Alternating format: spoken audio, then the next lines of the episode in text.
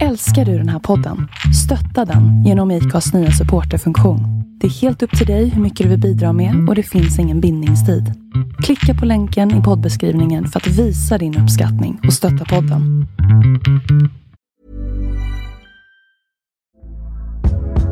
Hey there, it's Michelle Norris. I'm host of a podcast called Your Mama's Kitchen. When I travel, I'm usually looking for a way to find a taste of home when I'm not at home. And one of the things I love to do when I am at home is entertain. And Airbnb allows me to do that. When I was in California recently, I rented a house that had a great kitchen. And when we were sitting around the table, we're all thinking, we're in someone else's house. Someone could be in all of our homes as well.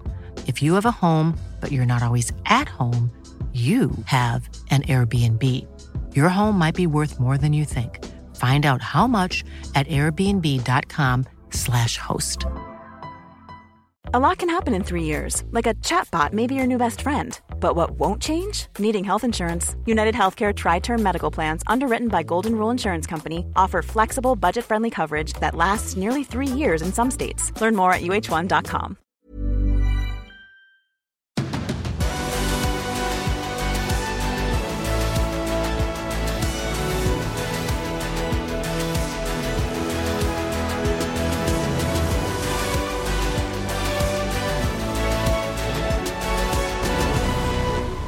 har det blivit dags för eh, en ny MotoGP-podd med mig Tobias Lajon och med Andreas Mårtensson. Denna gång nummer 134. Och eh, vi är inne i en period med lite mindre motorcykelsport, eh, men eh, däremot desto mer Formel 1. Och eh, Andreas, hur eh, känner du efter eh, Formel 1-avgörandet som är eh, några, ja inte några dagar men det oh, det är några dagar bort. För några, för några dagar sedan ja, precis. Ja. Mm, det är, är det torsdag idag eller? Ja, det är torsdag. Stämmer. Torsdag den 16 december. Ja, eh, nej men eh, det känns som att F1-säsongen här i avslutningen, det, det har tagit all eh, nyhetsfokus. Så det, det har inte hänt speciellt mycket i MotoGP-världen. Nej, det har inte gjort det. Men det var ju en, en makalös eh, avslutning på året och säsongsfinalen, den var ju inte avgjord heller förrän de sista, ja, om inte sekunder, men åtminstone till det sista varvet. Och, eh, mycket skriverier och mycket känslor efter, eh, efter finalracet där mellan Verstappen och eh, Hamilton, eller hur? Det kan man väl säga. Nej, jag har inte riktigt släppt det heller. Jag jobbade hela helgen med just F1 också. Så att jag, jag, nej, jag har eh, så här fyra dagar senare så har inte jag släppt den här finalen. Det, det är märkligt hur det, kan, hur det kan vara ibland. När man inte släpper något. Det, det, det händer ibland i MotoGP med att man inte... Man kan inte riktigt släppa ett race eller en säsong. Men det händer så pass sällan. Men ja, nu, jag har inte släppt riktigt avgörandet här i Formel 1. Jag vet inte hur lång tid det kommer ta riktigt historisk säsong. Det lär ju vara för, för alla som har upplevt eh, året fullt ut. Jag har följt det på avstånd ska jag säga, men, men däremot så följde jag med, med stort intresse sista racehelgen och bara det här upplägget att de går in i sista helgen med eh, lika poängläge. Så att det är ju verkligen det, det, det, som sker under helgen, det är direkt avgörande mellan de två förarna. Mm. Ja, exakt. Eh, och sen blev det ju sånt rafflande avslut som det blev också. Eh, och, och, när får man... Det, det är ju sådär, när får man uppleva någonting sånt här igen? Varken det är MotoGP eller Formel 1 liksom. Och det, i, i, I MotoGP så känns det som att senast jag i alla fall kände så, sån här spänning inför avslutningen på säsongen, det är ju sex år sedan. Det var ju när Rossi och Lorenzo fightade som VM-titeln 2015. Och då hade man då hade man samma sak efteråt, att det på något sätt smakar lite dåligt i munnen efter när allting är färdigt. Och den känslan har jag, det kanske är därför det är så svårt att släppa det här racet, för att det, det smakar lite illa. Tyvärr, ja, och, och, det är lite men... synd. Och det var ju samma sak efter, efter MotoGP-säsongen 2015, att eh, det blev inte bra eh, av olika anledningar i slutet där. Och eh, ja, ja, samma ja, sak här. Jag förstår, jag förstår att det kan skava lite grann och, och eh, för mig då som inte följer det där slaviskt så, så kan jag ju jag är inte till exempel van med eh, säkerhetsbil annat än från min egen karriär i endurance. Då hade man ju säkerhetsbil. Men eh, det, det, här är ju eh, det, som händer i slutet på racet där med en, eh, med en krasch då med, visst var det Lando Norris som hamnade i muren? Nej, Latifi var det som hamnade i muren. Ja, så var det. Latifi. Och eh, i vilket fall där med, med säkerhetsbilen. Jag var, jag var ju högst osäker på hur man skulle hantera den här säkerhetsbilen och hur man skulle hantera avslutningen på racet. Eh, så blev det ett varvs racing som, som ja. avgjorde. Ja, och eh, ja, man följde inte riktigt praktiskt där. Eh, ja, praxis och ja, det är det som får det att smaka lite dåligt tycker jag i, i munnen. Hur har, det sett ut, hur har det sett ut innan då? Nej, men det, det, är väl inte helt ovanligt att det blir sådana här saker heller, men eh, problemet med den här gången var ju att man släppte förbi några bilar mellan då just Hamilton och Verstappen och man släppte inte förbi de som låg bakom Verstappen. Och sen, ja, det, det, det känns dåligt. Sen får väl eh, F1-podden, de brukar ju kunna reda ut sådana här saker. De får väl reda ut exakt vad de tyckte. Jag tycker väl, jag har väl min åsikt, men alla har ju sin egen åsikt. Så vi, vi får väl, vi som är lite hobby på F1 får väl lämna det där. Ja, det är verkligen hobby för mig. Jag fattade faktiskt aldrig varför man släppte förbi för överhuvudtaget. Vad är, vad är anledningen till att man Nej, gör men det? Det, det? brukar man göra. Det brukar man göra. Att de ska få, få eh, liksom kunna ansluta till svansen igen. Eh, men då brukar det gå något varv också så att de hinner ansluta eller åtminstone kommer ur vägen för täten. Och så, då brukar man också släppa alla bilar. Det gjordes ju inte här utan här släpptes ju bara de varvade bilarna mellan just Hamilton och Verstappen. Och det är det som får det att bli lite märkligt. Ja. Ja, nej, jag ska, jag ska ärligt erkänna att jag hängde inte med exakt på de där besluten eh, som skedde. Eh, däremot så, så, ja, jag tycker sällan att det här med säkerhetsbilar tillför någonting. Jag fattar ju varför man har det när det händer krascher och så, att man måste rensa eh, och så, men, men eh, det skapar ju helt andra förutsättningar än det som har byggts upp under hela racet. Och sen är det ju speciellt med de här sporterna som pågår under väldigt lång tid. Eh, känns... Eh, eh, eh ja, väldigt liten del i, som avgör en, en hel lång säsong och, ja. och ett helt kalenderår på något sätt. Ja, ja nej, visst är det så. Visst är det så. Nej, det är bara att hoppas att vi får uppleva något liknande, inte något liknande med avslutning tänker jag, men just spänningen. Det, det känns ändå som att det var ett tag sedan vi hade just den spänningen i MotoGP. Det var, jag tror att det var sex år sedan där det var så mycket skriverier och, och spänning inför mm. de sista racehelgerna. Och det, det, på något sätt så har man nästan ångest under den perioden, men man vill inte vara utan det heller.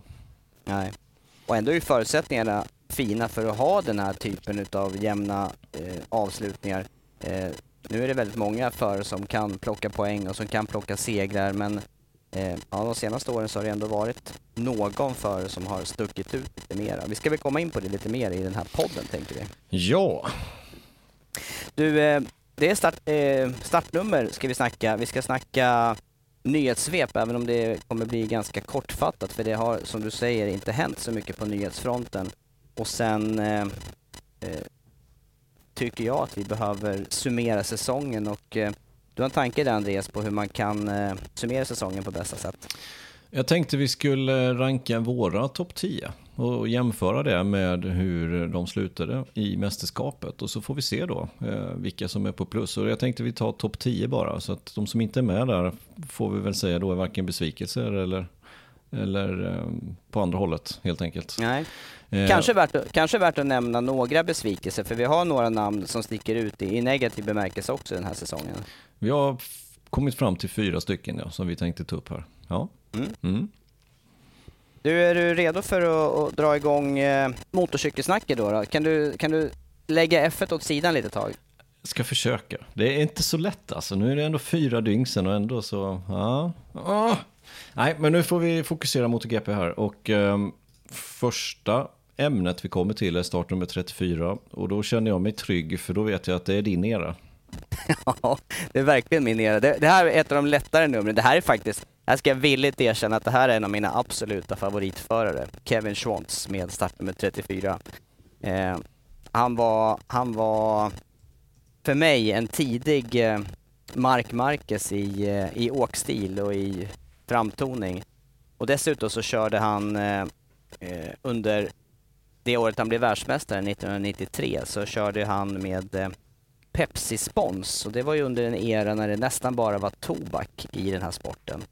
Så att eh, han stack ut på det sättet och så hel, mer eller mindre helvitt outfit med, eh, med eh, den här Pepsi-loggan då och sin klassiska Arai-hjälm. Så att han stack ut på många sätt och, och, väldigt spännande körstil. Du måste ju ha sett race som han har kört ja, bakåt klart. i tiden. Ja, det är klart. Det är klart jag har sett ja. det.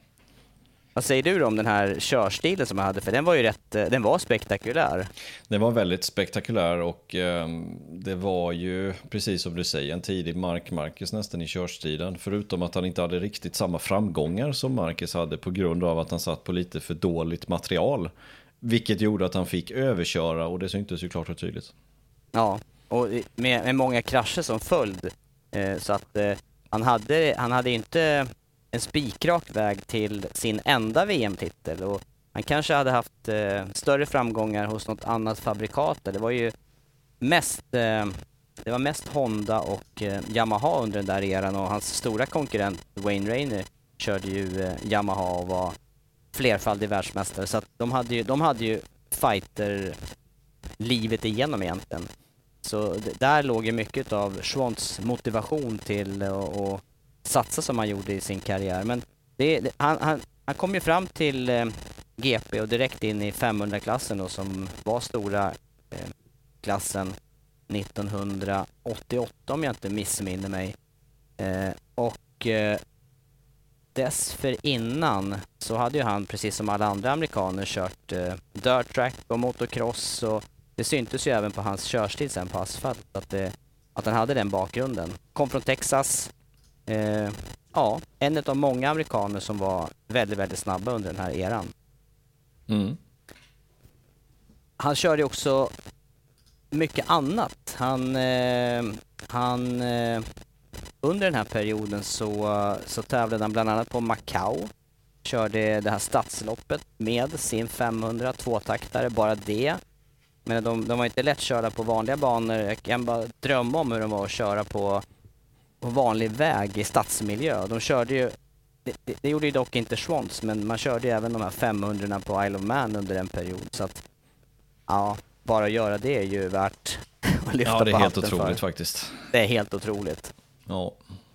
Eh, och särskilt det här stadsracet. Men egentligen så kanske man ska fokusera på den här säsongen som han till slut blev världsmästare. För det var ju ett år där han och Wayne Rainey, då ärkerivalen, hade en episk fight under hela den säsongen. Och på den tiden så var 1993 då, då var mästerskapet 14 deltävlingar. Och eh, kampen dem emellan pågick ju under hela året och fram till tre deltävlingar återstod och man var i Italien på Misano och det var ju på den tiden där, där banan gick i vänstervarv. Eh, och eh, inför den helgen så hade Wayne Rainey ett övertag i mästerskapet. Han hade 214 poäng och eh, Schwantz hade 203 och man hade samma poängräkning som idag då med 25 för seger och 20 för en andra plats, 16 för en tredje och så vidare. Eh, men, men i det racet så, så kraschade ju Wayne Rainey så illa så att han blev förlamad och det där, ja, det, det ledde ju framförallt då till eh, den här svåra eh, tillståndet för, för Wayne Rainey och så småningom också att, eh, att Schwantz la hjälmen på hyllan. Men han blev världsmästare den säsongen. Eh, men, men hittade väl inte riktigt motivationen i körningen efter det, trots att de då var största rivalerna. Jag vet inte vad ditt minne av den här perioden är, där, Andreas? Eh, nej, men minnet är ju att han eh, han låg lite efter i mästerskapet som sagt när vi kom till, eh, till Misano. Eh, och det kändes som att Rainey hade kontroll över mästerskapet ändå. Även fast det var i slutet av året och det skilde inte jättemånga poäng, 11 poäng skilde det ju där när, när man gick in i den deltävlingen. Eh, men det tog ganska hårt det här som hände Rainey, det tog ganska hårt på Swans och, och i förlängningen så ledde det ju till att Swans faktiskt la hjälmen på hyllan. Mm det var ju det var en blandning där med egna krascher och, och sviter utav det, men också just det här, den här rivaliteten som fanns dem emellan och på något vis, de, de var, eh, de satte ribban för varandra i, i vad man gjorde på banan och de var ju stenhårda i racingen mot varandra men, men samtidigt eh, så måste det ha funnits någon slags respekt för varandra eh, i och med att det tog så hårt den här kraschen. Mm. Även för Swans. Ja, verkligen. Men, men, men det här med tvåtaktare som man körde på den här tiden, eh, de var ju helt olika förartyper också, Rainey och Schwantz. Och Schwantz var ju den som kraschade och överkörde medan Rainey var den som mer eh, ja, höll sig på hjulen. Han vann många race genom att ta ledningen direkt och, och köra ifrån övriga fältet. Och, ja, inte lika spektakulär och i mina ögon eh, på den tiden, för jag var ju och tittade en del race eh, live, eh, var, han var inte lika spännande att se helt enkelt, Rainey, som, som Schwantz var. För där visste man aldrig vad som skulle hända. Nej. Och sen är det väl olika vad som tilltalar olika människor. Liksom. Det är som Lorenzo och ja, men Marquez, det är ungefär samma. Ja, ja, visst är det så. Det är Lorenzo väldigt likt. den här som sätter spåren varje varv 100% liksom. Medan Marquez är lite överallt och det är ungefär samma sak mellan Rainey och Swans. Det finns ju minnesvärda, verkligen minnesvärda race med, eh, med Kevin Schwantz. Jag tänker till exempel det här loppet på Hockenheim som man inte använder i GP-sammanhang längre. Eh, där han och eh, Rainey, sen undrar jag vem den tredje, de var tre eller kanske till och med fyra förare. Jag, det här har inte jag kollat upp inför, inför samtalen nu men, eh, men eh, där man då från de här högfartspartierna inne i skogen då eh, avgör med en ja, bromsduell in mot stadionområdet där, där Schwantz bromsar så sent som han aldrig gjort förut på något annat varv. Jag såg de här racen live. Som man, det, var ju sån här, det var ju sånt där lopp där man bara skrek rakt ut. Vad är det som händer liksom? Ja. Men du som har kört mycket, du som har kört mycket tvåtaktare, du måste ju kunna sätta det här i, du måste ju kunna förklara för eh, någon som, som mig till exempel, som inte har kört en racer tvåtaktare, hur, hur, är, hur, är, hur är de att köra egentligen? Eh, Du har ju kört mycket 250 då, men får väl addera på 100 dubbla hästar till. cylindervolymen. Ja, exakt. Inte riktigt 100 hästar, men nästan. Eh, nej, men det är ju en helt annan grej att köra en tvåtaktare än en fyrtaktare. Eh, en tvåtaktare är ju ett kort register, ett ganska aggressivt register just där. Men när man väl har rätt utväxling i växellådan och sådana här saker, då är det riktigt, riktigt kul att köra en sån här motorcykel också. Och de är mycket mer, man måste vara mer noggrann i körningen med en tvåtakt än med en superbike till exempel. För där, det, det går alltid att lösa saker och ting med en superbike, men det gör det inte med en, med en 250 i mitt fall. Då. Eh, och jag kan bara tänka mig då med dubbla cylindervolymen, alltså 500 hur de var på sin tid. Eh, med noll elektronik, eh, ingen traction, ing, ingenting sånt där överhuvudtaget. Det, ja, det, de, det börjar ju gå så pass långt nu så det är inte så många som har kört de här 500 och, och eh, det är en ynnest att få köra dem. Ja, och, och just som de här förarna på den tiden eh, körde de här hojarna som du säger utan hjälpmedel och det, det visar sig ju gång på gång att de slog sig sönder och samman. De här de highsiders som man såg på den här tiden, de var ju utan dess like. Det, det är ju typ det som vi såg Marcus göra på Assen här i somras. Ja, och, och det är inte så konstigt för man ligger på gränsen med en sån där. Eh, och, och du har absolut inte de marginalerna som du har med en fyrtakt. Eh, fyrtaktsmotorcykel lite tyngre också, fjädringen gungar lite och, och sådär. Så att det, det är helt annorlunda att köra en, en tvåtaktsmotorcykel än en fyrtaktsmotorcykel. Och, eh, man förstår ju att de slog sig verkligen sönder och samman. Eh, det är helt förståeligt. Ja. Jag har faktiskt kört ett race med, jag tror att jag har nämnt det här förut, men han, eh, Kemmer ställde ju upp på Boldor, eh, jag tror det var mitt sista år jag körde där, 2004. Möjligtvis så var det, ja 2004 tror jag det var. Eh, då körde han ett race och eh, jag var väl, jag vet inte om jag var som snabbast i min karriär just det racet, men han var i alla fall, eh, han var snabbare.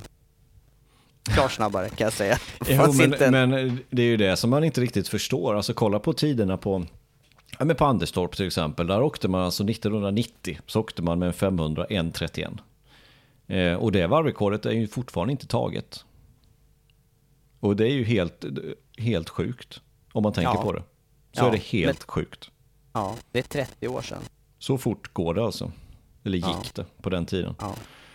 Nu åker man ungefär de tiderna. Eh, någonstans runt höga 31 mellan 31 men, men fortfarande så, så har man inte slagit 1990 års varvrekord alltså som 500 kör på Anderstorp.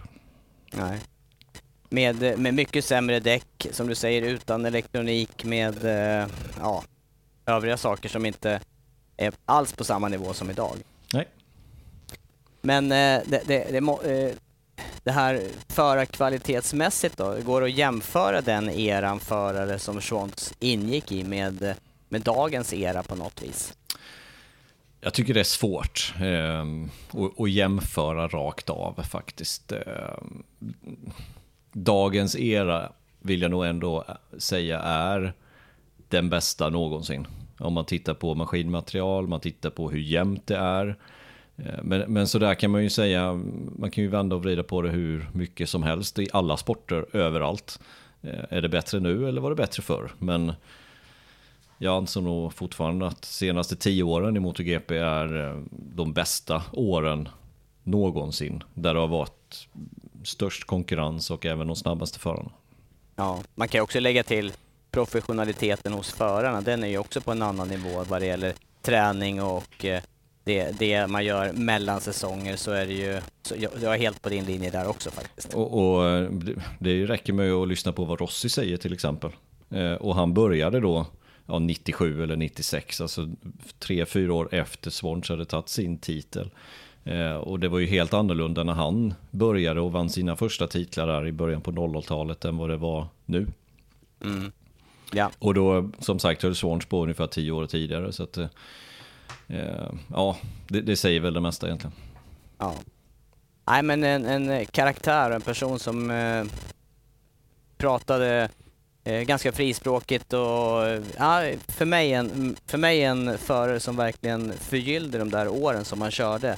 Eh, och sen efter sin karriär, sin aktiva GP-karriär så, så var han ju dessutom eh, med när man tog fram banan i Austin som vi, som vi använde där då, Circuit of the Americas. Där blev det tyvärr lite friktion mellan, eh, mellan de inblandade, de ansvariga här.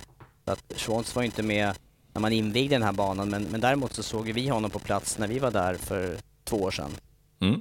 Ja, han är ju på plats på några GP varje år. Ja, Han var ju Ja. även på plats på något, det var, ja, men det var just eh, Kota där ju när Mir körde med sin, eh, sin andra layout på siffrorna. just det. Just det. Mm. Och Ja, ett, nej, ett nummer där, 34, ett utav få nummer som är pensionerade i MotoGP-sammanhang. ja just det.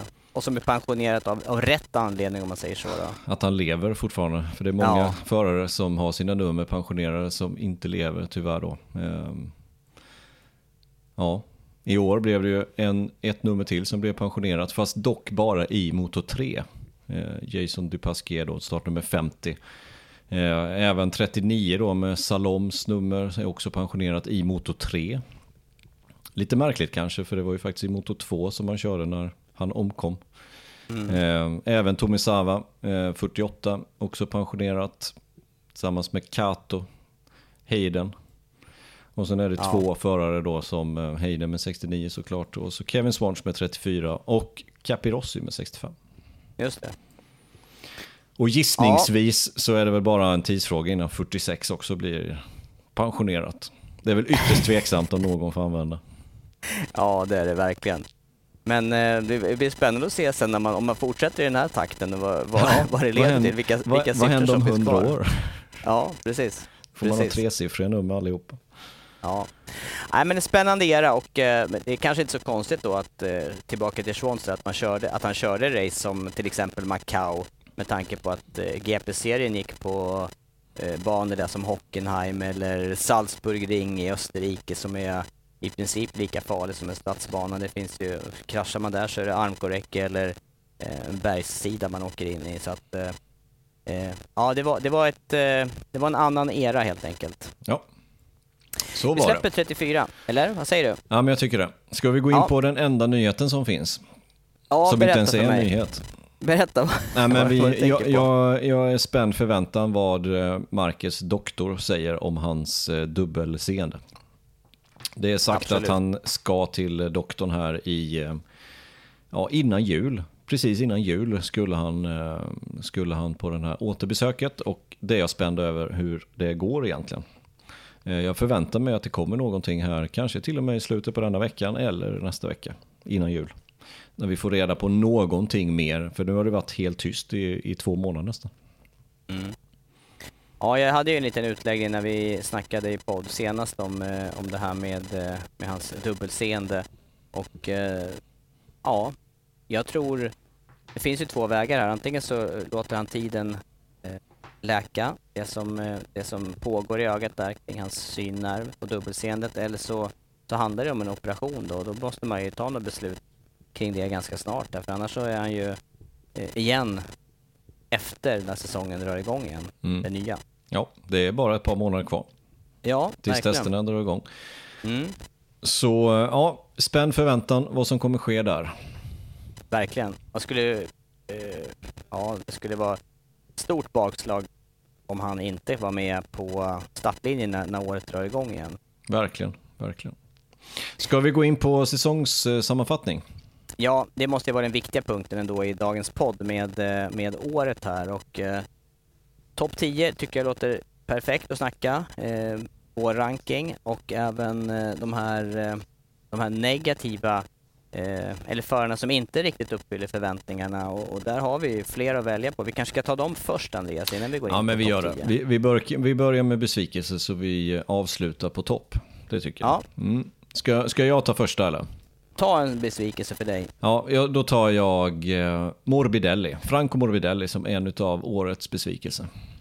Eh, han slutade alltså 17 i mästerskapet. Förra året så blev han tvåa. Nu har det sina anledningar. Han satt på den äldsta materialet. Han eh, var dessutom skadad och missade fem race i mitten av säsongen. Sen fick han eh, möjlighet att köra fabriks Yamahan istället för Vinales som hade hoppat av det där i samma veva.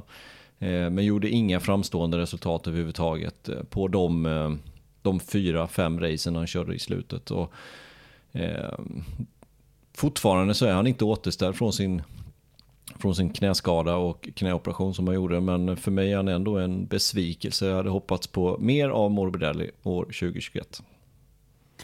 Ja, jag håller med dig där. Eh, sen får vi väl se då om det händer, om han lyckas komma tillbaka till den form han hade för två år sedan när han då sitter på fabriksmaterial. Men han har, eh, han har mycket att bevisa kommande säsong och när han dessutom åker fullfabriker bredvid eh, Quartararo. Så att, ja, min förhoppning är att han ändå kommer tillbaka. Men jag håller helt med här om, om årets resultat. För de, eh, de motsvarar inte heller mina förväntningar och jag tror att han är kraftigt missnöjd själv också med säsongen som det blev. Mm. Ja, det tror jag också. 17 som Eh. sagt slutade han i mästerskapet. Ja, jag skulle vilja lyfta Rins sen. Eh, han var en av förarna som jag hade som en tänkbar titelkandidat med tanke på att det var Suzuki som toppade fjolårssäsongen, eller för, ja, två år sedan blir det då, men eh, inför, inför säsongen eh, eh 2021 så tänkte jag att eh, Alex Rins blir en eh, het kandidat och en, en möjlig förare som kan utmana om, eh, om titeln faktiskt. Och han, han slutade 13 i år och kraschade alldeles för mycket. Ja, det var precis det som var problemet för Rins den här säsongen. Farten tycker jag han hade. Stundtals, eller kanske till och med mer än vad Mir hade. Eh, det var mer sällan som jag tycker Mir var den starkare utav de två, utan oftast var det Rins. Men Rins, eh, som du säger, han, han eh, avslutade i samfållan alldeles för ofta. Mm. Ja, eh, kan bara...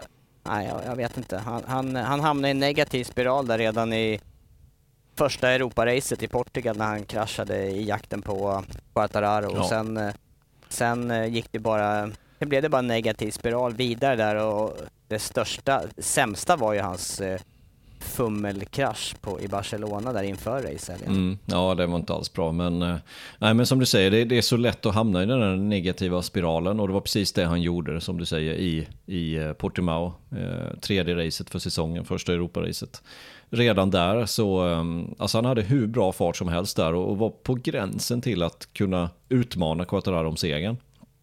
Men kraschade bort sig och, och sen gick det bara neråt. Sen var det fyra raka nollor utöver det. Så det var fem Mm. raka nollor där. Så att, eh, nej, det var inte bra av eh, Alex Rins. Nej. Nej, underbetyg på Morbidelli och Rins. Har du några fler namn du vill lyfta på, på den här negativa delen? Eh, jag tycker vi ska lyfta, tänkte jag säga. Eh, det är inte riktigt att lyfta, men Oliveira är också en besvikelse för mig. Ja. Oliveira som gjorde en jättebra period i mitten av säsongen. Där han blev tvåa i Mugello. Han, blev, han vann ju då i eh, Barcelona, mycket kanske på grund av att Quattararos skinnställ öppnade sig, men i vilket fall som helst så vann han. Och sen så jagade han ju Marquez långt in i racet i eh, Sachsenring i Tyskland. Eh, så två, etta, två alltså på de tre racen, men utöver det, ingenting. Nej. Nej, och jag, jag har jättesvårt att förklara det där. Eh, vi, vi ska komma ihåg den här eh, kraschen han hade också inledningsvis eh, första racehelgen i Österrike när vi var på plats där. Eh, den, den kändes som att eh, på något vis, den, den satte ordentligt stopp för hans eh, positiva trend, för han fortsatte ju faktiskt efter Tyskland också med en femte plats på Assen. Eh, och det var ju så pass olika banor ändå så att jag, tyckte, jag tänkte att nu blir han, han blir vass för fortsättningen utav säsongen och sen kom den här kraschen då direkt i, var väl första friträningen i Österrike? Mm. Ja, det var det. Ja, och sen blev det inga mer topp 10 placeringar. Det, var, det är de fyra eh, som, du, som vi nämner här nu. Det är de topp 10 placeringarna han har. Resten är antingen krasch eller utanför topp 10. Eh, slutar alltså säsongen på en 14 plats med 94 poäng och med det då 57 poäng efter sin teamkollega Brad Binder. Så, ja, det har vi nej, det, det, var inte bra av Oliveira som måste höja sig. Han har bara kontrakt också till nästkommande säsong hos KTM. Medan eh, Binder då, han har ju ett, ett treårskontrakt till till 2024. Så att vi får se helt enkelt vad som händer med Oliveira. Jag tycker hans mm. Eh, nivå eh, förarmässigt är mycket, mycket högre än det han visade i år. Ja, han hamnar på minus. Han faktiskt till och med var bakom Lecona flera gånger och även Petrucci. Och det, det är inte okej okay som fabriksförare. Nej. Du, eh, vad säger du om att lyfta ett fjärde namn? Jag, jag kikar också, jag kikar i startlistan här och... Eh, ja, vi har den... ju, vi har ju våran, eh, vårat andra namn på podden. Vi måste ju lyfta, vi måste ju lyfta det. Ja, men jag, jag tänker på Vinales. Är det, är det det namnet du ja. nu tänker på också? Jo, men det måste ju ändå vara en besvikelse och framförallt efter hur han började säsongen med en seger i Qatar och så som han gjorde det. Och sen, ja, nu är det ju nästan historia hur det blev alltså, men Psykbryt eh, lite för många gånger, sparken från Yamaha, över till Aprilia. Och har väl inte rosat marknaden på Aprilia heller. Nej, jag skulle säga det också. Vilket, vilket berg och dalbaneår, som du säger där, inleder med seger och sen samma racehelg egentligen där han eh, bekräftar, eller där det bekräftas eh, eh att han kommer lämna Yamaha då. Eh, det är ju Assenhelgen, då startar han i pole position och slutar det racet på andra plats.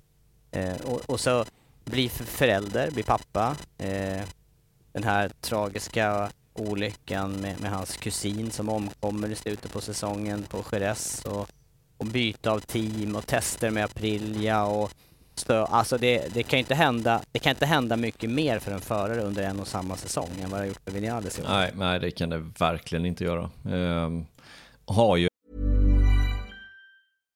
If you're looking for plump lips that last, you need to know about Juvederm lip fillers. With Juvederm Volbella XC and Juvederm Ultra XC, your lip look, whether it's subtle or bold, can last up to one full year with optimal treatment and no additional maintenance. Find a licensed specialist and see if it's right for you at Juvederm.com today. That's J U V E D E R M.com. Add fullness to lips in adults over 21 with Juvederm Volbella XC or Juvederm Ultra XC. Do not use if you have severe allergies or a history of severe allergic reactions, or if you're you're allergic to lidocaine or the proteins used in Juvederm. Tell your doctor if you have a history of scarring or taking medicines that decrease the body's immune response or that can prolong bleeding. Common side effects include injection site redness, swelling, pain, tenderness, firmness, lumps, bumps, bruising, discoloration, or itching. As with all fillers, there's a rare risk of unintentional injection into a blood vessel, which can cause vision abnormalities, blindness, stroke, temporary scabs, or scarring. For full important safety information, visit juvederm.com.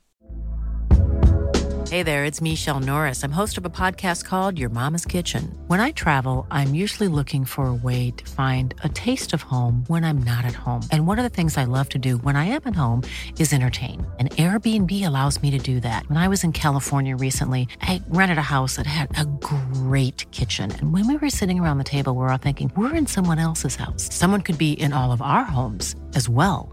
If you have a home, but you're not always at home, you have an Airbnb. Your home might be worth more than you think.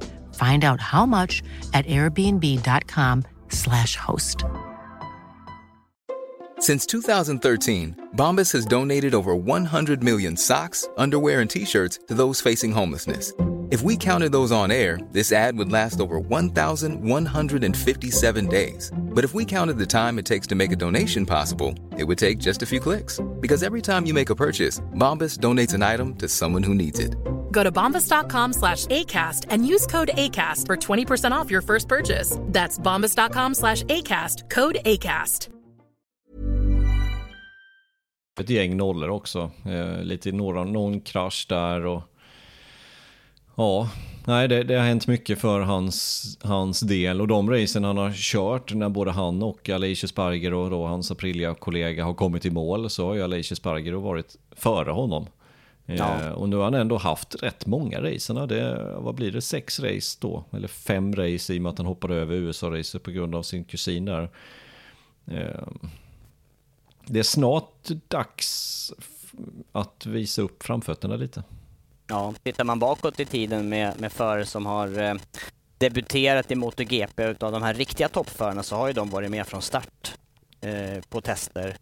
Man kan ju backa till Casey Stoner eller Mark Marquez när de har liksom fått kliva upp på, på sina cyklar för första gången så har de ju omgående varit uppe i täten. Det har ju inte Aprilia varit men däremot så håller jag med dig där att eh, om nu Vinales är eh, så vass som förare som man ändå har visat hos Yamaha under stunder så, så borde han kunna vara snabbare än vad Alicia Sparger är. Ja, det, det, måste han nog också vara här när vi, när vi öppnar säsongen igen. Mm. Nej, besvikelse för mig också. Sluta 10 mästerskapet trots allt det här men eh, eh otrolig berg och säsong och eh, han hamnar eh, han hamnar utanför topp 10 i rankingen i alla fall. Ja, det gör han. Han tog alltså 11 poäng för Aprilia eh, under säsongen. Han tog totalt sett 106 poäng, så han tog alltså 95 poäng för Yamaha, 11 stycken för Aprilia. Mm. Ja, tufft år. Men du, nu, nu kommer vi till eh, pudens kärna här med eh, topp 10 för säsongen 2021 och eh, då är det ju lämpligt eh, att börja nerifrån så att vi verkligen går ur den här podden på topp. Tycker du inte? Ska vi, eh, ska vi säga det också? Det, detta är alltså som vi tycker. Ja. Med, med tanke på förväntningar och, och sådana här saker. Så det, och sen kommer vi också att säga då vilken plats i mästerskapet som den här föraren hamnar på. Eh, ska vi ta nummer 10 i våra ögon? Börjar du Andreas? Ja, men då börjar perfekt. jag. Jag börjar med eh, tionde plats och då börjar jag med Johan Sarko. Eh, han slutar femma i mästerskapet, så med andra ord så lever han inte riktigt upp till, till hans placering i mästerskapet. Han gjorde en jättebra inledning av säsongen, visst var han till och med i mästerskapsledning ett tag. Eh, men sen någonstans runt mitten av säsongen, eh, jag skulle vilja säga att det kanske till och med började i, eh, men i Österrike. Någonstans där, när vi kom tillbaka efter sommaruppehållet dubbla race i Österrike och Ducati-bana och det blev bara en sjätteplats och en krasch och sen, sen hämtade han sig inte riktigt och sen hade han problem med armpump och ja, lite för många krascher ja. och, och tappade stingen.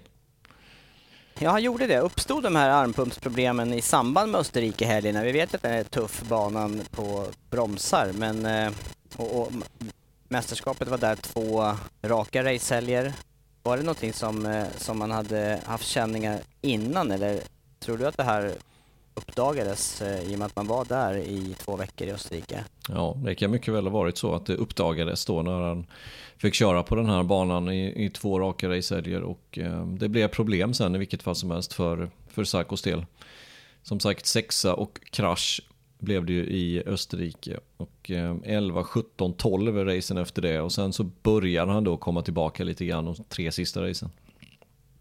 Ja, men och samtidigt där, då, då är det lätt att, att blicka mot eh, hans teamkollega Martin där och då blir det ju ännu tydligare att, att eh, Sarko underpresterar andra halvan av säsongen. Ja.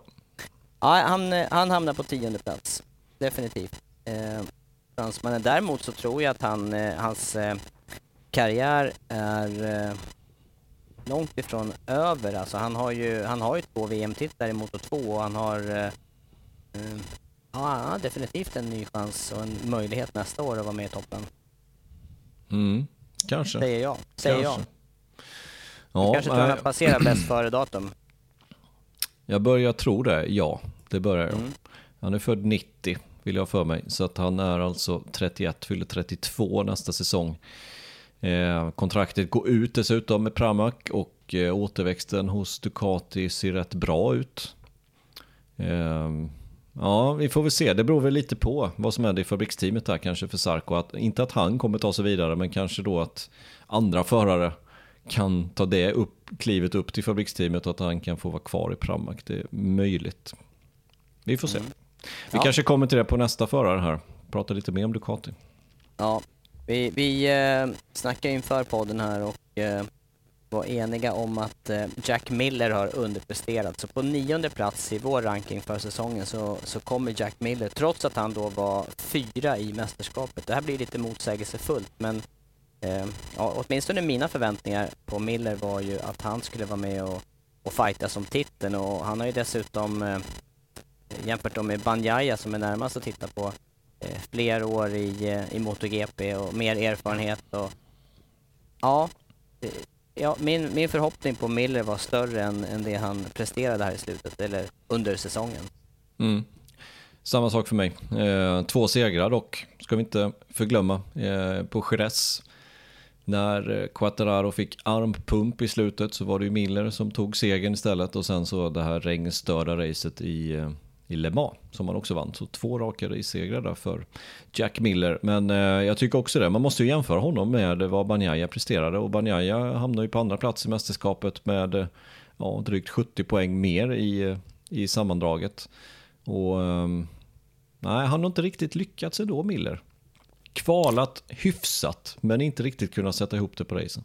Nej, exakt. Och det är någonting som händer under racen där som jag fortfarande inte kan sätta fingret på. Han borde, han borde ha kommit fram till någon lösning på det här problemet som han har att, eh, att sakta dala. Alltså han, eh, han kan ju vara blixtrande snabb i inledningen på loppen och sen tappa placeringar och inte hämta sig. Så hamnar han alltså så här, eh, som, som inte är mästarmässigt placeringsmässigt då, alltså fyra, femma, sexa, Mm. det, det, är en bit, det är en bit ifrån pallen till och med och då räcker ju inte poängen heller i Nej, slutändan. nej, det gör inte det.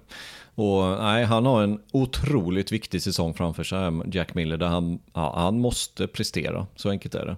Annars kommer hans eh, plats i Ducati vara hotad, för vi vet återväxten, där vi pratade om det under Sarko här, men återväxten är eh, stark inom Ducati, framförallt från Martins sida. Eh, som har gjort en, en lysande säsong, även fast han var borta några race. Och sen har vi Bastianini som också knackar på. Dessutom så är det några nya förare nu som kom in i, i MotoGP-sammanhang på just Ducati med Besecchi, Dijan Antonio och sen har vi Marini dessutom. Och då, och då tänker jag mig att några av dem kanske vill ha en Pramac-styrning.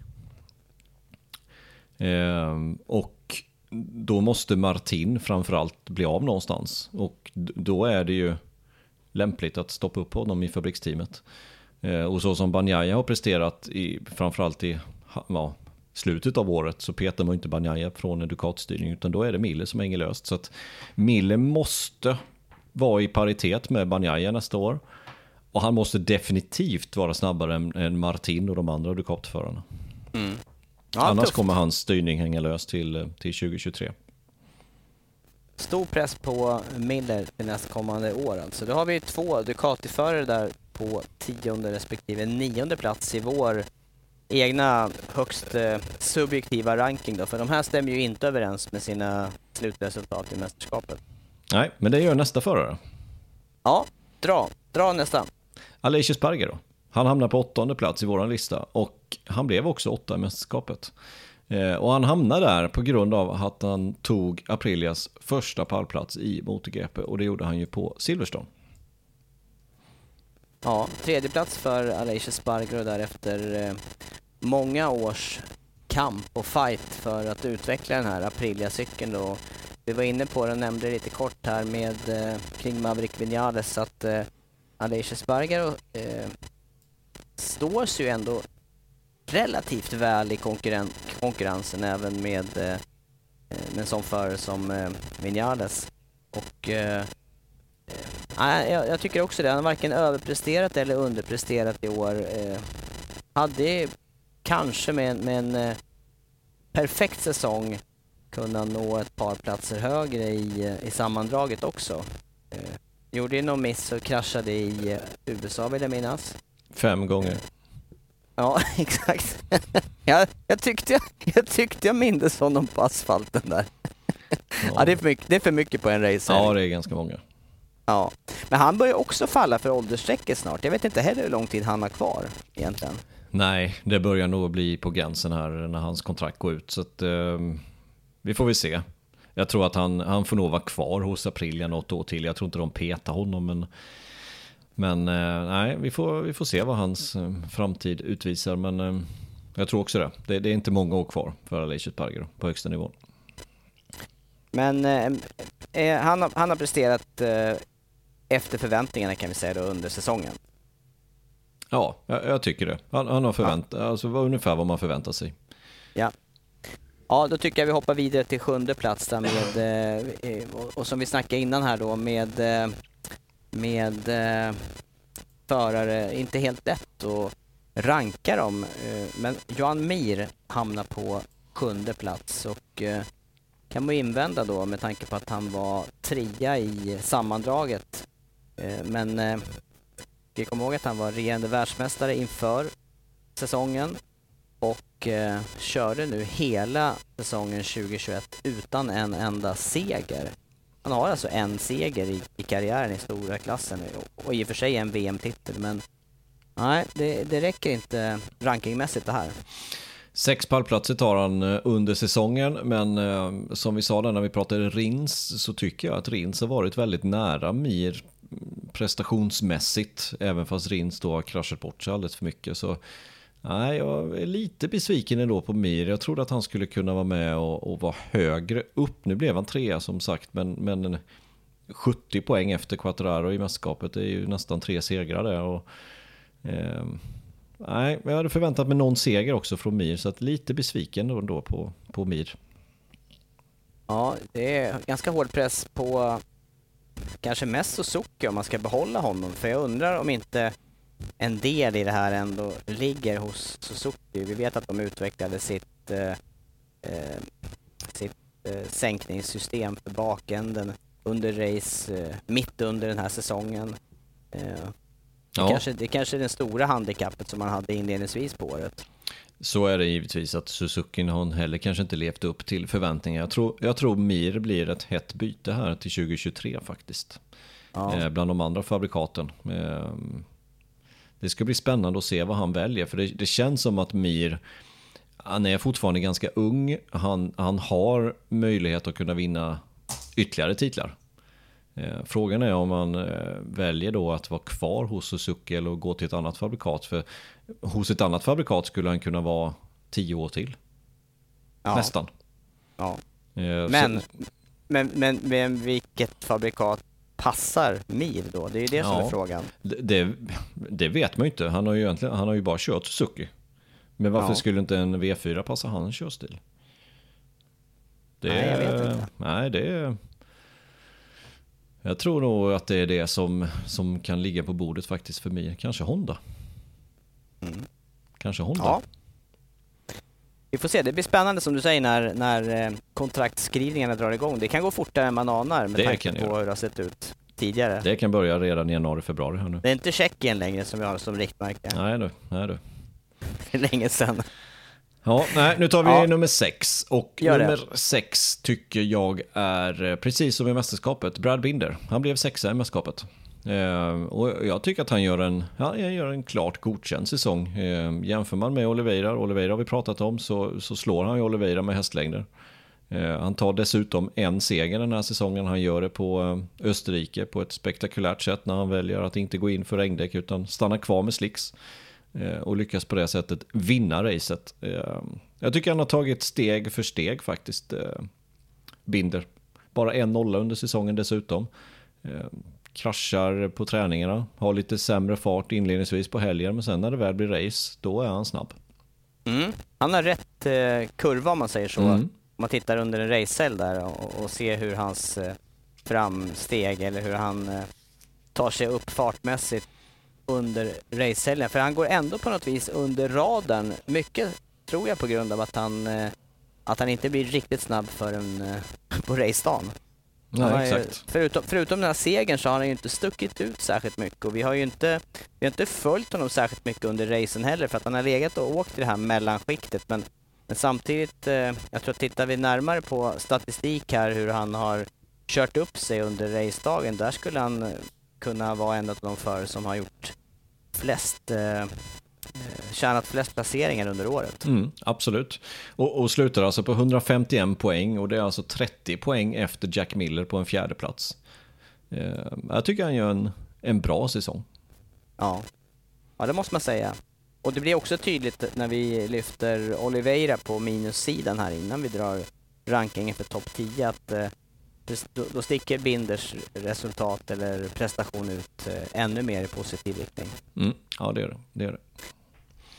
Ja, Binder eh, sexa i mästerskapet och sexa i vår eh, subjektiva ranking. Och då kommer vi in i topp fem här och eh, då blir det kanske en liten skräll här för att då har vi elfte placerade i eh, totalen, eh, men femma då på våran eh, ranking för året, Enea Bastianini. Två pallplatser på Misano båda gångerna och eh, slutar på en tredje plats och som han har kört i de racen, alltså helt otroligt. Och gör en riktigt, riktigt bra avslutning av året. Eh, lite knackigt i mitten av året, i början var inte heller lysande, men sen i slutet så eh, stabilt topp 10. Ja, och då har jag precis stuckit ut hakan och sagt att eh, Binder är kanske den förare som har eh, avancerat flest platser under racen. Och, och det räcker att kasta en, ett öga på Bastianinis eh, resultat under året så ser vi att han är eh, han, han har kört om riktigt många och, och framförallt då under racen på eh, på Misano där, där han eh, vad hade vi honom startandes? Ja, 12 i första racet slutade trea och 16 i andra racet slutade också trea. Så att, ja, det är fenomenalt. Eh, ja, han har alltså bara startat eh, topp 10 en gång eh, och det gjorde han på Aragon. Slutade han sexa. Resten är utanför eh, tredje, fjärde startled alltså. Och lite problem med kvalen, definitivt, men väldigt bra på att racea. Så det ska bli mm. spännande att följa hans nästa år. Dessvärre för hans egen del då så får han ju inte det senaste materialet utan han får ju årets material till nästkommande säsong. Det är ju Marini som kommer få det absolut senaste materialet då. Det kommer vara fem fabrikscyklar från Ducati till året 2022. Vad tror du, tror att det sporrar honom vidare att eh, prestera när han vet att han, ändå, att han inte har det allra senaste? Det tror jag definitivt. Eh, nu får vi se vad som händer också i och med att han går till ett annat team. Eh, I och med att Avintia-teamet nu eh, inte finns kvar längre utan det var ju Sky Racing VR46 som tog över det och Besecki kommer ju köra bredvid Luca Marini medans Gressini då går från Aprilia till Ducati.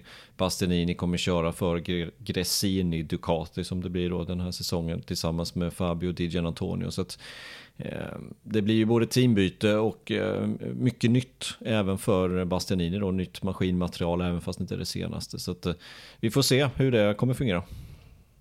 Något som imponerat på mig då, det är ändå hur han har eh, lyckats hålla liv i sina däck. Eh, och trots att han behövt göra så mycket omkörningar så har han ju varit högst konkurrenskraftig i slutet av racen. Mm. Att, kan han, kan han bibehålla det till nästa år så finns det ingen anledning att tro att, eh, ja, och fila lite grann på sina kval, då skulle han kunna vara superfarlig trots att han sitter på lite sämre mm, mm. Det blir spännande att följa. Ja. Fjärde plats i sammandraget. Vad har, eh, vad har vi snackat ihop oss Andreas om? Ja, då på fjärde plats så tycker vi att eh, Mark Marquez kvalar in. Han slutar sjua i mästerskapet. Eh, han har ju inte varit med under fyra race. Både de två första och de två sista eh, var han alltså inte på plats. Eh, även, han tar ändå tre segrar den här säsongen. En andra plats på Aragon när Banjaya vann sin första seger. Och jag, jag tycker när man ser hans högsta nivå när han har vunnit de här racen vänstervarv de flesta gångerna förutom i Misano där då när Banjaya kraschade bort sig. Men eh, ja, det, det, är inte den gamla Mark Marquez kanske, men det är snudd på nära att det är han fortfarande som är riktmärket. Ja, riktigt tråkig krasch. Den här senaste då som, eh, som satte sig på synen och dubbelseendet. För annars så så är jag inne på din linje här att han verkligen var tillbaka i eh, ja, tillräckligt stark för att eh, egentligen varje racehelg vara med och, och eh, kämpa om segrar vidare. Ja, absolut. Sista två racen vann han ju, eller ja, sina sista två. Eh, både i Texas vann han, han vann alltså på Misano och sen så hände ju den här olyckan. Så han, han skulle alltså kommit till, eh, till Portugal med två raka segrar och det var ju då han eh, slog sig då på den här endurocykeln. Så att eh, vi får se vad det har för inverkan att han missade de två sista racen, att han missade testet på Jerez och sen får vi se ytterligare hur mycket han missar. Eh, långt ifrån säkert att vi ens får se Mark Marquez i sadeln något mer överhuvudtaget.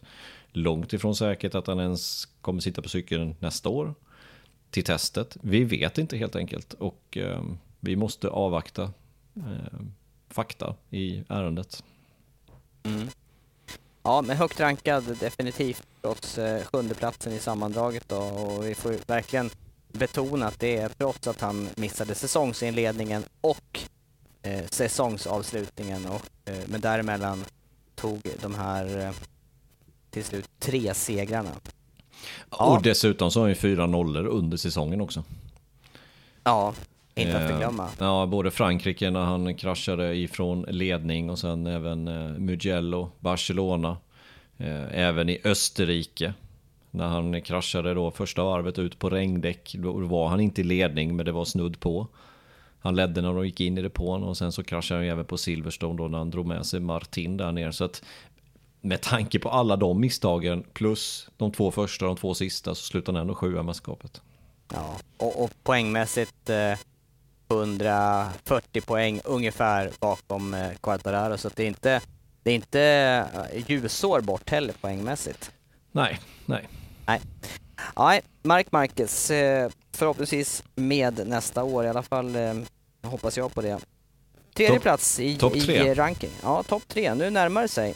Och ja. Här kommer vi att lyfta föraren som tog nionde plats i mästerskapet, Jorge Martin. Trea i vår ranking och för mig är ju det en, en, stor anledning är ju dels att han eh, i år då både lyckats eh, ta pole positions, flera stycken. Fyra stycken. Fyra totalt blev det ja. Och dessutom en seger i Österrike och han gör det under sin rookie-säsong. Och han gör det efter att ha kraschat sig sönder och samman i tredje racehelgen för säsongen. Fyra pole, fyra stycken pallplatser under året, varav den ena pallplatsen kom alltså i hans andra race i karriären. Ifrån start ja. från pole position. Eh, precis som du säger, jag missade fyra race efter att ha brutit sig sönder och samman med en 7, 8, 9 frakturer. Kom tillbaka från det, och presterade på samma nivå om inte högre. Ja. Eh, jättebra säsong, årets rookie, givetvis med tanke på de resultaten. Så att, eh, ja, som sagt, vilken väg ska Martin ta vidare? Och, och eh, presterar han på liknande eller till och med bättre nivå nästa år, ja då, då ligger fabriksstyrningen ledig. Ja, Inte ledig kanske, men öppen. Öppen pole i sista racet i Valencia och en andra plats går han nu med i säsongen då, bara besegrad då, eller frånkörd av eh, just fabriksförare på Ducati. Men eh, nej, han är, han är värd all, eh, all uppmärksamhet och beundran den här säsongen, Jorge Martin. För min del ja. i alla fall. Ja, ja. Tvåa då? Nu har vi två nu kvar. Är nu är vi... två platser kvar ja. Ja, och de är inte så oväntade. Vi kan väl säga att det är ettan och tvåan i mästerskapet. Ja, Men, Hamnar de i den ordningen då? men, precis, hamnar Nej. de i den ordningen? Det får du avslöja. Jag avslöjar att vi, eh, vi kommer att sätta fransmannen och eh, nykorade världsmästaren Fabio Quartararo på andra plats i vår ranking. Och eh, det är trots att han alltså tar hem VM-titeln och han gör det redan eh, i eh, Italien, eh, alltså på Misano med eh, två racehelger kvar utav säsongen. Men eh, den här, för mig, de här tre avslutande racehelgerna, de är svajiga alltså för, för Quartararo och en stor anledning till att han inte eh, tar Banjaya i min individuella ranking, eller våran gemensamma. Mm. Ja, jag håller med om det. Eh, de sen, sista racen var inte bra ifrån eh, Quartararo. Quattararo. Och sen tycker jag de här konstiga grejerna som hände för hans del under säsongen också drar ner honom lite grann faktiskt. Eh, jag tänker på armpumpen som kom helt plötsligt i Jerez. Jag tänker på ett skinnställ som öppnar sig. Eh, Mm. Ja, det drar ner betyget lite. Ja.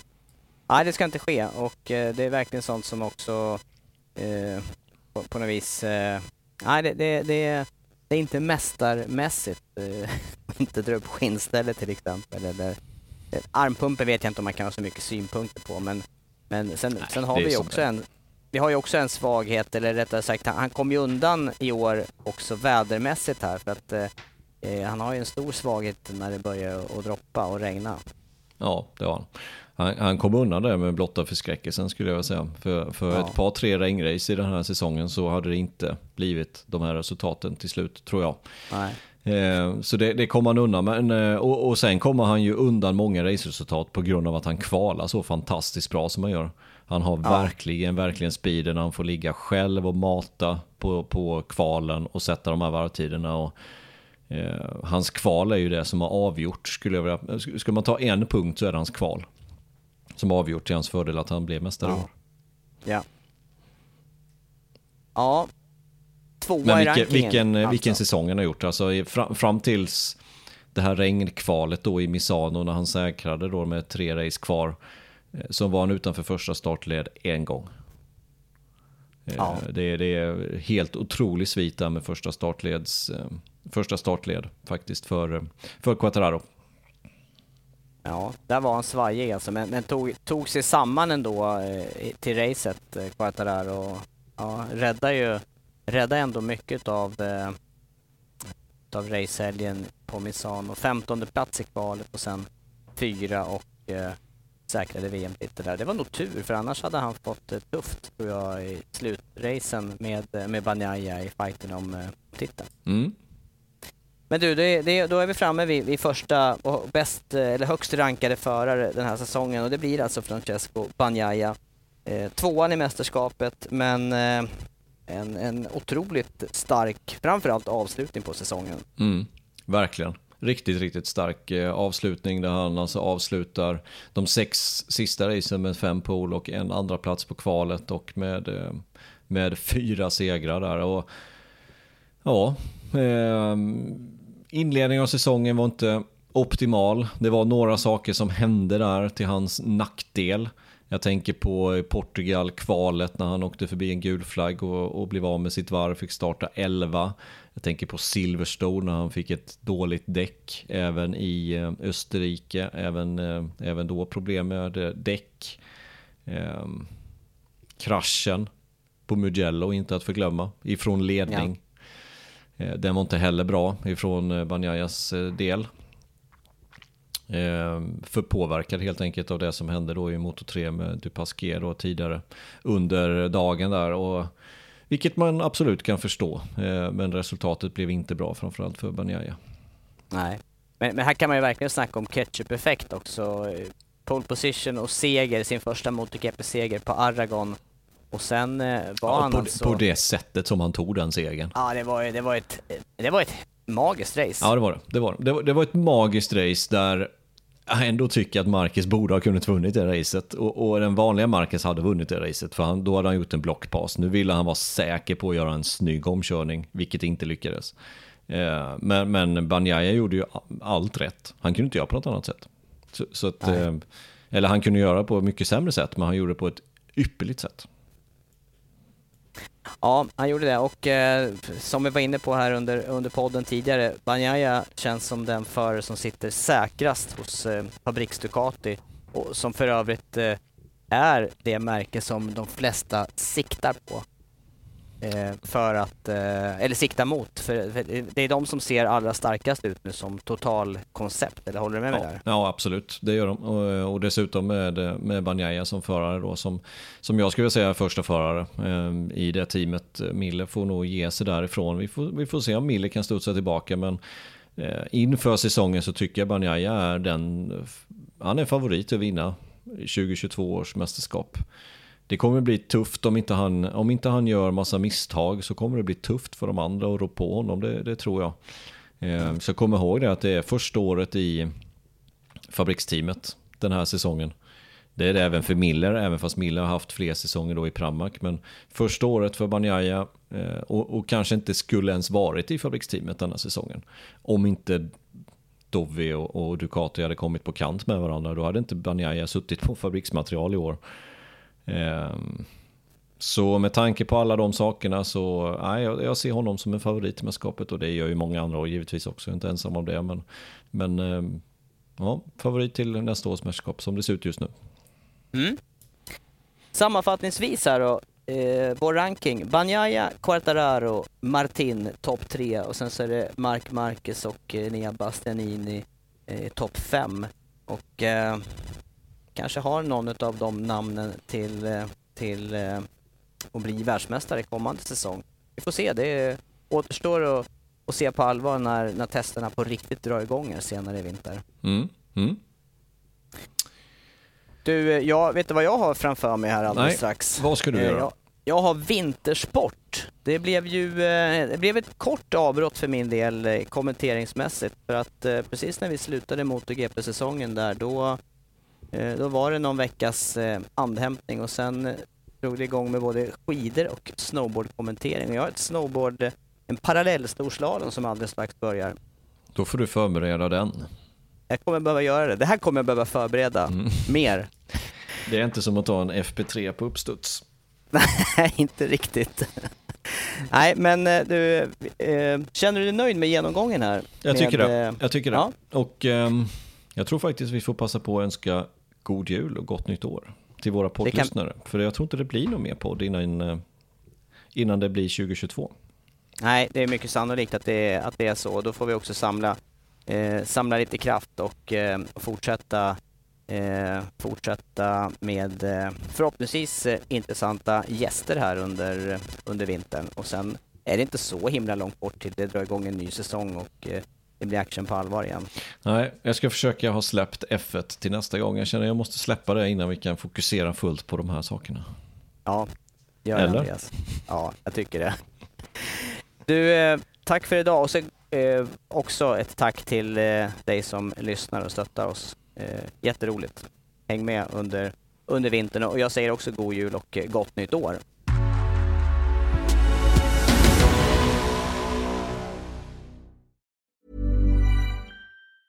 Even on a budget, quality is non-negotiable. That's why Quince is the place to score high-end essentials at 50 to 80% less than similar brands. Get your hands on buttery soft cashmere sweaters from just 60 bucks, Italian leather jackets, and so much more. And the best part about Quince, they exclusively partner with factories committed to safe, ethical, and responsible manufacturing. Elevate your style without the elevated price tag with Quince. Go to quince.com slash upgrade for free shipping and 365-day returns.